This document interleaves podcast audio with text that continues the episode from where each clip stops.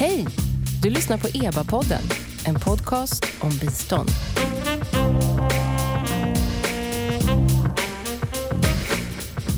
Välkomna till EBA-podden. Jag heter Noomi Östlund och den här podcasten ges som vanligt ut av Expertgruppen för biståndsanalys, EBA. Det är en statlig kommitté som utvärderar och analyserar Sveriges internationella bistånd. Antalet flyktingar blir tyvärr allt fler i världen. Enligt UNHCR finns det i år, 2022, över 100 miljoner flyktingar och internflyktingar i världen. Men ni som har lyssnat på podden tidigare vet ju också att det inte bara så att allt fler drivs på flykt, utan också att tiden de är på flykt blir allt längre. I genomsnitt handlar det om över tio år. De här utdragna flyktingsituationerna ställer stora krav på värdländer, som ofta är låg och medelinkomstländer. Historiskt har påtvingad flykt främst hanterats humanitärt med tonvikt på mat, säkerhet och husrum. Men det räcker ju inte när vi pratar om åratal eller kanske till och med årtionden på flykt. Hur ordnar man tillgång till utbildning, hälsa och sysselsättning? Idag ska vi prata om hur flyktingar, om och hur flyktingar får tillgång till värdländernas sociala trygghetssystem. Är det en lösning och vilka krav ställer det i så fall på värdländer och på givarländer som Sverige? Med mig för att diskutera det här har jag två återkommande gäster i podden. Lisa Hjelm, eh, välkommen! Tackar. Du är till vardags utredningssekreterare, som det så fint heter, hos oss på EBA. Men idag är du främst här därför att du är författare till en ny rapport på precis det här ämnet. Det stämmer. Och vid din sida, eh, Göran Holmqvist. Välkommen! Hej. Du är ju avdelningschef på Sida. Eh, men du är också, eh, nu ska vi rabbla hela listan av... Eh, Hela CV Ja, vill jag ha. Precis. Mm. Doktor i freds och utvecklingsfrågor. Och eh, kanske extra aktuellt idag när vi pratar flyktingfrågor. Du sitter i expertgruppen hos vår systerkommitté Delmi, Mm. Delegationen för migrationsstudier. Just. Som en intro till det här ämnet så tänkte jag börja med, med dig Lisa. Du är alltså en, författare, en av författarna till en rapport som EBA publicerar tillsammans med OECD. Den handlar ju om just flyktingars tillgång till nationella sociala trygghetssystem i värdländer. Men eh, vad är det och vad, vad är det den här rapporten handlar om? Så det som vi då har undersökt är precis som du säger, eh, i vilken utsträckning som flyktingar har tillgång till program inom värdländers egna sociala trygghetssystem och med fokus på låg och medelinkomstländer. Och de här sociala trygghetssystemen, det kan ju till exempel vara olika typer av bidragsprogram eller andra skyddsnät, så som vi ju också har i eh, Sverige och många höginkomstländer, så finns det även i medelinkomstländer och eh, låginkomstländer. Eh, och det som jag tittat på i rapporten är främst två saker. Så det ena är liksom den rättsliga tillgången till social trygghet enligt värdlandets egna lagar och policies. Och sen också den faktiska tillgången. Om de har rätt till eh, programmen enligt eh, det, en, eh, det egna landet där de befinner sig, har de sen också faktisk tillgång till de här programmen, om det finns program i det landet. Så om det, om det är på pappret eller på riktigt helt enkelt. Exakt så, på pappret eller på riktigt, eller både och. Ehm, och sen så har vi också sett på faktorer som kan möj- möjliggöra inkludering av flyktingar och eh, olika utmaningar som finns. Och bara för att liksom göra det lite mer konkret, när, när vi pratar om sociala trygghetssystem, eh, bidragssystem, vad, vilken typ av, av, av system kan det handla om? Om man pratar om system så är det eh, en samling av olika program. Ehm, och eh, de här är utformade för att skydda människor för att eh, inte falla i fattigdom, utsatthet och exkludering. Och programmen kan vara till exempel kontantstödsprogram, eh, det kan vara socialförsäkringar, arbetsmarknadsinsatser, ty- olika typer av program som gör att människor har tryggad inkomst och tillgång till nödvändiga tjänster i samhället.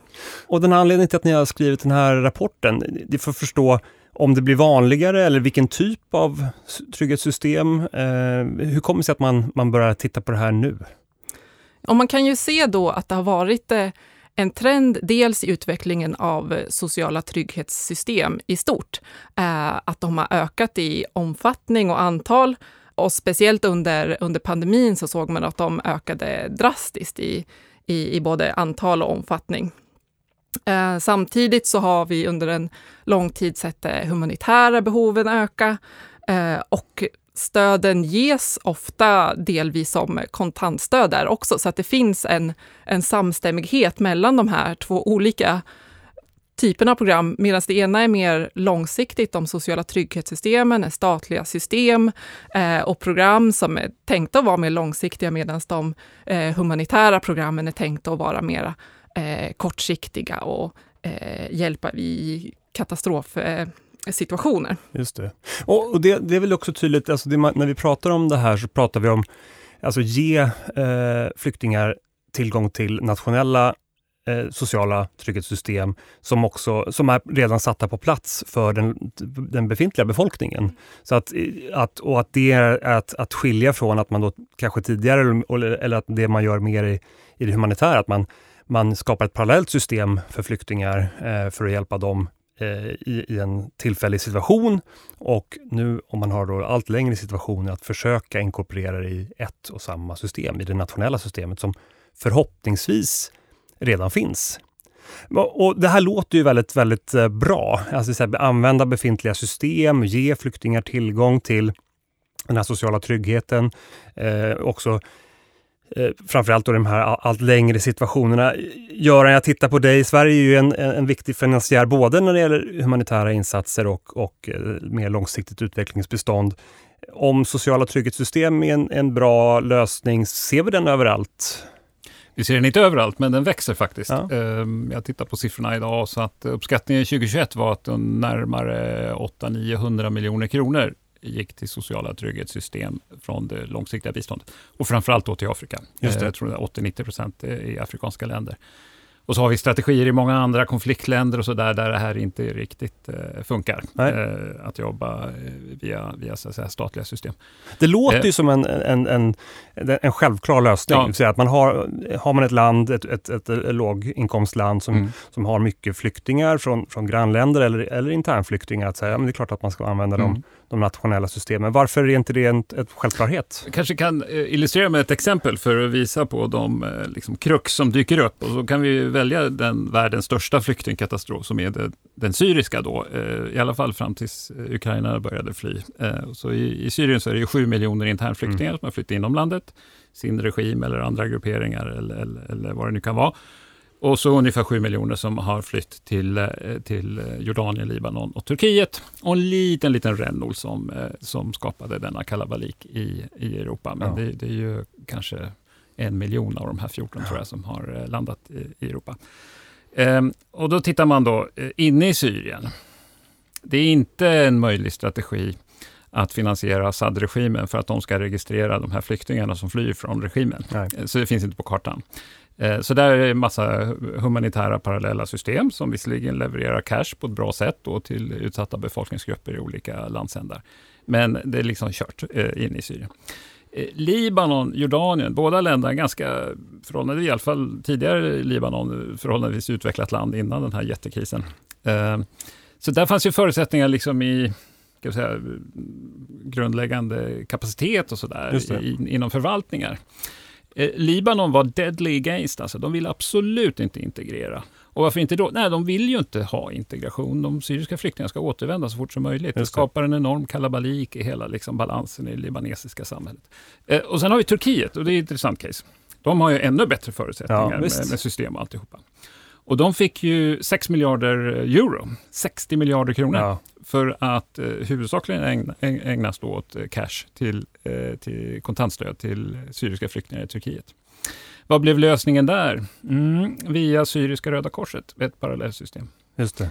Och jag tror, eh, där tror jag inte det var Erdogan som hade något emot att få 60 eh, miljarder eh, kronor in i sin statsbudget, utan jag tror det var EU som var, ville ha ett system där de säkerställde att de visste vart pengarna hamnade. Just så det var mer, mer givarfarhågor? Ja, så gentemot och, vissa regimer ja. så är nog givarna lite sparsmakade ja, med, med att integrera sig för långt. Och så ser det ut. Och det här länderna vi pratar om nu, det är ju ändå alla länder som faktiskt har någon slags socialt trygghetssystem i botten som man skulle kunna bygga på.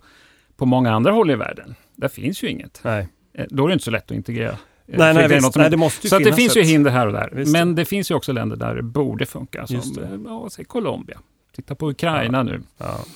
Hur väl vi lyckas där. Ja. För där finns ju faktiskt, eh, borde det finnas en potential att arbeta Ja, på och ett annat där, sätt. precis. Och Mm. där, där tänker man att det finns, det finns system och det handlar om ukrainska internflyktingar. Mm. Så det handlar inte om liksom att, en fro- politisk fråga om ska vi integrera en Mm. ny befolkning eller liknande. Och jag vet Lisa, du, ni har ett exempel i rapporten på Mm. just det här med, med internflyktingar och, och med systemproblematiken. Eh, Irak. Just det, precis. För det finns ju ja, men dels de här äh, mer kanske politiska utmaningarna. Um, och det, är ju, det har vi ju tittat på också i form av de här lagarna och policies, vad säger man?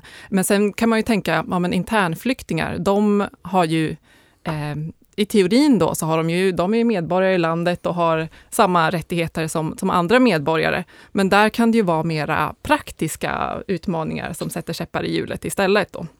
Eh, som ett exempel som vi såg från eh, Irak var att eh, systemen har tidigare varit till stor del pappersbaserade, man är registrerad där man bor och man får också bidraget där man bor. Mm. Och att registrera sig på ett nytt ställe är inte alltid eh, så lätt. Det är en eh, utmanande process som kan eh, ta tid också. Så det som, som de nämnde där som eh, möjligheter är ju att eh, jobba med digitalisering av systemen, eh, göra dem snabbare och mer flexibla.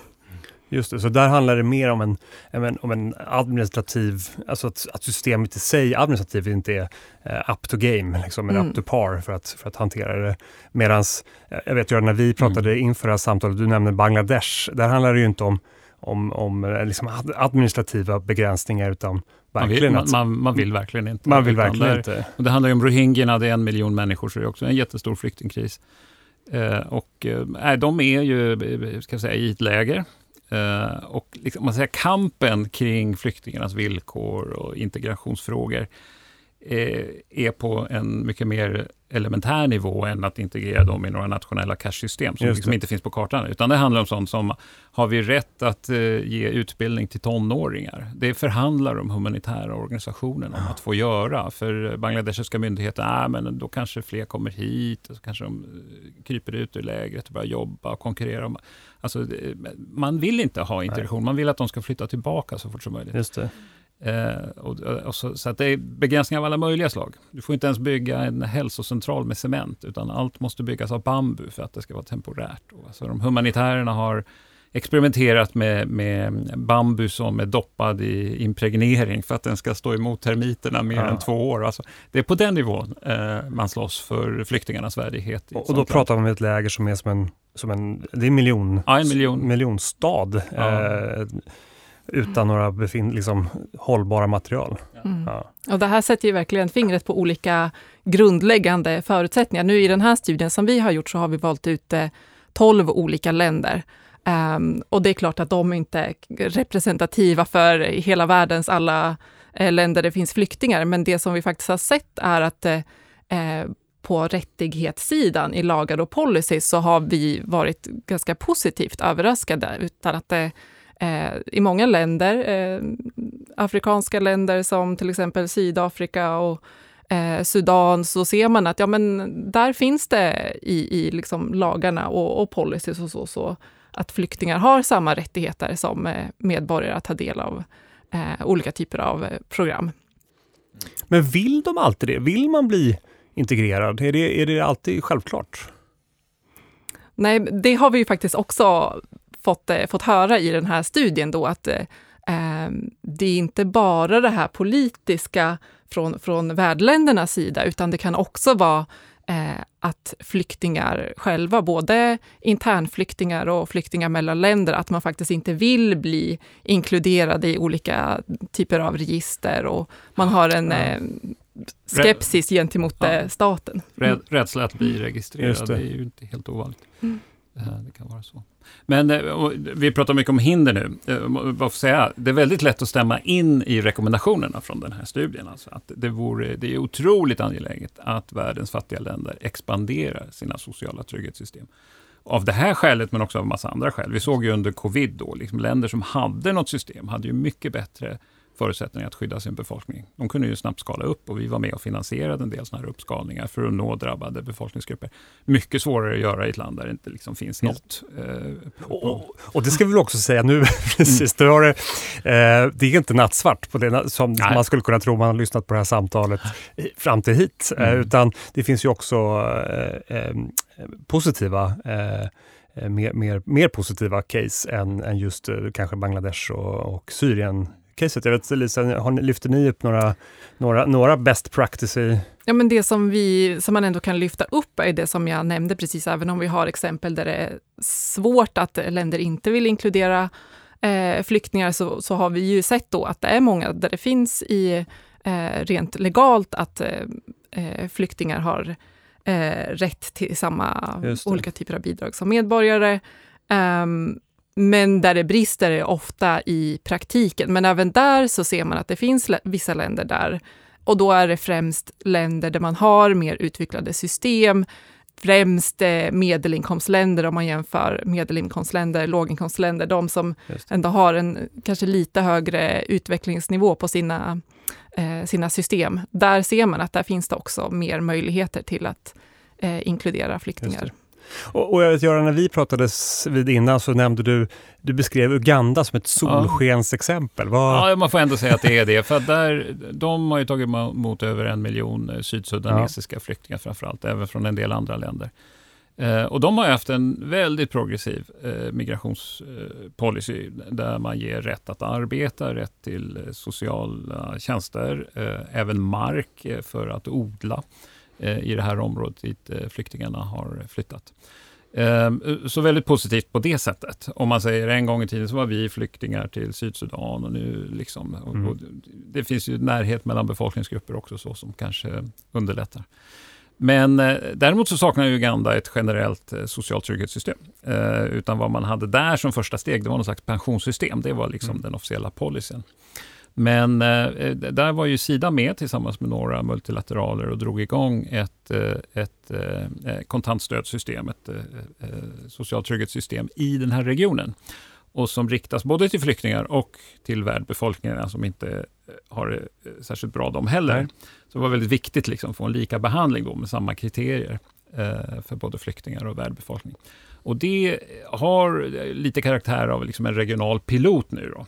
Och man hoppas att, eh, och jobb, man jobbar ju via multilaterala organisationer med väldigt nära då ugandiska myndigheter. Så att eh, ja, det finns en potential att man arbetar på ett sätt så att det här kan skalas upp och bli, eh, bli en, en, en bottenplatta för ett mer nationellt system så småningom.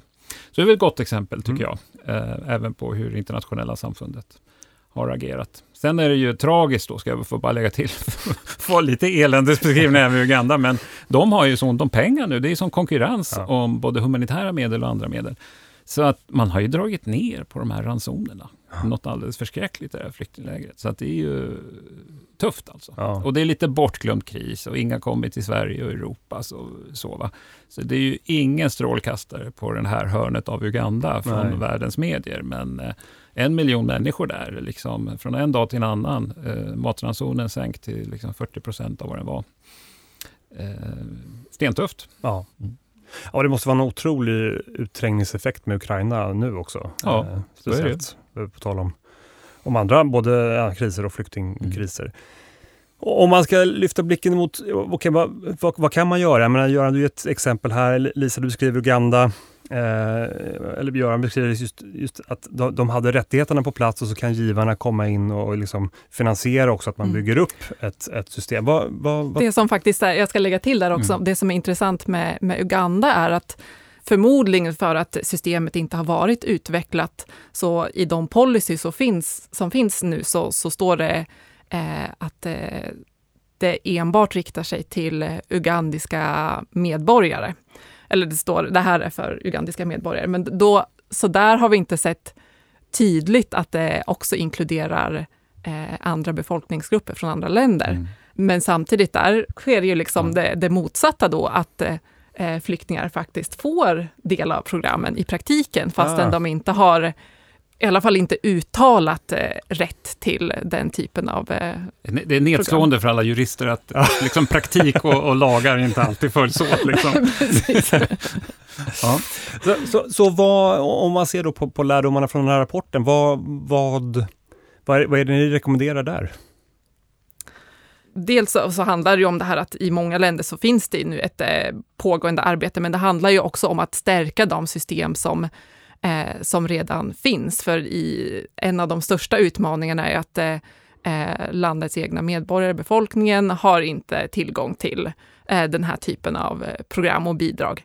Eh, så att börja med att, att utöka så att det finns en större tillgång generellt och starkare och mer flexibla system i länderna. Ehm, sen också att eh, förstås tänka in flyktingar i planeringen av program och policies. Sen en sak eh, som ju alltid är en sån här knäckfråga, det är ju långsiktig finansiering som ju Göran var inne på lite där. Det är inte en eh, stor utmaning i många delar av världen. En annan eh, del är ju att Oftast så är ju mm, den här delen med sociala trygghetssystem, det kanske är en myndighet som hanterar i landet, medan flyktingfrågor en annan myndighet. Vi har också inom det, de internationella aktörerna, eh, sociala trygghetssystem hanteras av någon, flyktingfrågor hanteras av andra, långsiktigt bistånd, humanitärt bistånd är olika. Så det blir många aktörer som måste eh, koordinera för att, för att det ska kunna eh, fungera. Det är en klassiker i biståndet och för er som är, nyfikna på det så har vi en ganska färsk Nexus-podd som handlar just om väldigt mycket om koordineringen av det humanitära och utvecklingsbiståndet. Eh, och, och, det låter ju, men om, om tillbaka med rekommendationerna, bygga Eh, sociala trygghetssystem låter som en, låter som en liksom given eh, sån eh, sak. Eh, också få, få sociala trygghetssystem som, som räknar med eh, att det kan komma flyktingar. Det, jag tänker det, en, det, kan man ju bara se till oss själva här i Sverige, att hur, hur hur svårt det är eh, när vi haft eh, med 2015 och även nu. Alltså, hur många ska komma? Hur, hur bygger vi upp system som funkar med dem, för, mm. för dem och vem ska betala för det i olika politikområden mm. och så. Eh, och, och, men jag bara tänker också på det här med att, att, att bygga sociala trygghetssystem, eh, cash-system. Är det helt eh, okontroversiellt? Från, jag tänker från givarhåll. Är det, jag tror det är, på sina håll säkert, eh, och framförallt bland regeringar på många mm. håll i världen, så tycker man ge pengarna i, ja. folk ska lära sig arbeta, lite som det var i Sverige på 1910, sådär, när vi började prata om pensioner. Folk blir lata om man ger dem så här. Och det har ju visat sig, eh, all empirisk forskning visar att det stämmer faktiskt inte riktigt att folk blir lata om de får de här extremt små eh, bidragen, utan kanske snarare möjliggör att de kan arbeta mm. mer och, och, och skaffa sig födkrokar och så. Men, äh, men det är, det, det, expansionen av de här systemen är eh, ibland, eh, när det gäller just användning av biståndsmedel, ja. så finns ju en oro då för att finansiera löpande kostnader. Mm. Ska vi bygga de här systemen så måste ju länderna med och det måste in skattefinansiering. Men man kan givetvis vara med i startfasen, man kan vara med och göra investeringen och bygga upp systemen. Och du kan också vara med att skala upp dem när det uppstår kriser. Det är ju ett jättebra användning av biståndsmedel, alltså det dyker upp kriser och så. Och, och, kanske just med tanke på att världen blir allt mer volatil nu till följd av klimatförändringar och av andra skäl, så är det ju extremt viktigt att de här systemen finns på plats som snabbt kan skalas upp. Och hur ser den svenska finansieringen ut idag? Du, du ja. nämnde precis i början att det är 800 miljoner ja. om året till Alltså, den här typen. Är det här här, traditionellt eh, svenskt? Eller? Nej, ganska nytt skulle jag säga. Och vi var förhållandevis sent på banan. Det, det har ju varit en trend länge då att det här ökar som eh, så säga, biståndsmodalitet. Så 800 miljoner, och det hade faktiskt dubblats på fyra år tror jag. Så att det är en eh, snabb ökning och det ökade extra mycket i samband med covid. För det var ett av de givna responsen på de socioekonomiska effekterna av, av covid i många länder. Så utöver de här 800 miljonerna så är det ungefär lika mycket pengar, gissar jag, eh, från det humanitära anslaget som ges i form av kontantstöd. Så att, alltså ungefär, att man fyller på systemen? Eh, ja, då jobbar man ju inte via de systemen, utan Nej. då är det liksom UNHCR och World Food Program. Ah, så, Men det har blivit liksom den här, ehm, eh, så att säga, default, vad säger vi på svenska? Som, Standard, eh, standardlösningen ja. för World Food Program med UNHCR, det är ju faktiskt att, att tillhandahålla cash, Just snarare det. än att eh, skicka dit massa mat och så. Eh, så att eh, man uppskattar att ungefär en femtedel av världens humanitära bistånd sker i form av kontantbidrag nu. Just det. Jag nämnde Ukraina, det är inte helt uppmuntrande vad som händer där. Jag var, gick in på nätet och, och ponerade att jag var ukrainsk internflykting och så där, var, var ska jag söka mina pengar. Just det. Och det finns en FN-sida då, de berättar det. Då, 13 olika organisationer eh, får man adress till som ukrainsk flykting. Men jag tror med tiden så kommer vi nog få se ett mycket mer samordnat kontantstödssystem i Ukraina. Men det har inte gått på Inte på nolltid. Eh, På, på nolltid, Nej. absolut inte. Eh, jag tänkte bara att en sak som jag tycker är en väldigt väsentlig rekommendation från rapporten, det är ju datainsamling Just och statistikinsamling. Där det faktiskt är så att vi, vi missar alltså de här 100 miljonerna som du nämnde. Det är ju, det är ju nästan, eh, typ, ja det är väl ungefär 1 procent av jordens befolkning. Mm. Oklart om de finns med i vår liksom, internationella statistik överhuvudtaget. De flesta länder förbigår dem, eller Mm. de misstappar dem, och särskilt eh, externflyktingar då, va? de blir någon slags eh, eh, stat i staten sådär va. Så att eh, det här med att man, och de är samtidigt så, så är ju de, de som vi borde kanske bry oss om mest. Så att det är ett stort problem med statistikinsamling, även hållbarhetsmålen, många av de datakällorna eh, missar faktiskt eh, flyktingpopulationen. Det är Mm. jätteviktigt att jobba på. Ja. Och sen det andra som jag tror är lite utmanande för oss, eh, men vi instämmer i rekommendationen, det är ett mer långsiktigt humanitärt bistånd. Och det ligger ju ett dilemma i det. Det humanitära biståndet ska ju vara behovsbaserat. Vi vill kunna svänga om och flytta från ett land till ett annat Precis. mellan år ett och år två, för nu är krisen oändligt mycket större där. Va? Samtidigt så vet vi att många kriser är väldigt långsiktiga. Ja, Och, och då kan man ju eh, programmera långsiktigt med åtminstone en del av anslaget. Och det håller vi nu på att försöka bygga system för på vår humanitära enhet, att bli lite mer långsiktiga i den humanitära responsen där det är påkallat. just det. Ja, det är ju spännande när de försöker förstå hur verksamheten bör, måste förändras när kriserna just blir så här långa. Alltså man Mm. pratar om kris, tänker man ju någonting omedelbart, någonting som händer nu. Men just när ja, men Syrienkrisen som nu har pågått i Mm. är det sjunde året. Eh, Nej, med 2011 började 2011, ja herregud. då- Mer än tio- mer än år. tio år, ja precis. Eh, och, och då är det ju liksom, det är en, en otroligt utdragen situation. Så att, eh, det låter som väldigt kloka rekommendationer. Eh, Mm. bygga upp sociala trygghetssystem, eh, bli mer långsiktig i finansieringen, eh, ha bättre koll, bättre data. Mm. Och det var en hel del nattsvart, men det var också några eh, solskenshistorier från det här avsnittet. Så eh, med det får jag tacka er båda två. Tack eh, Lisa Hjelm, ut- utredningssekreterare på EBA Tack så mycket. och en av författarna till den här rapporten. Och tack Göran Holmqvist, avdelningschef på Sida bland annat. Ja. Och om du som lyssnat blivit nyfiken på den här rapporten så finns den såklart att läsa på eba.se. Den heter Social Protection for the Forcibly Displaced in Low and Middle Income Countries, Pathway for Inclusion. På vår webbplats finns också alla andra våra rapporter, poddar och seminarier. Till sist, hör gärna av dig till oss med synpunkter på EBA-podden. Du kan mejla eller höra av dig till oss på Twitter eller LinkedIn. Du hittar alla våra kontaktuppgifter på eba.se. Jag heter Noomi Östlund och tack för att ni har lyssnat på EBA-podden.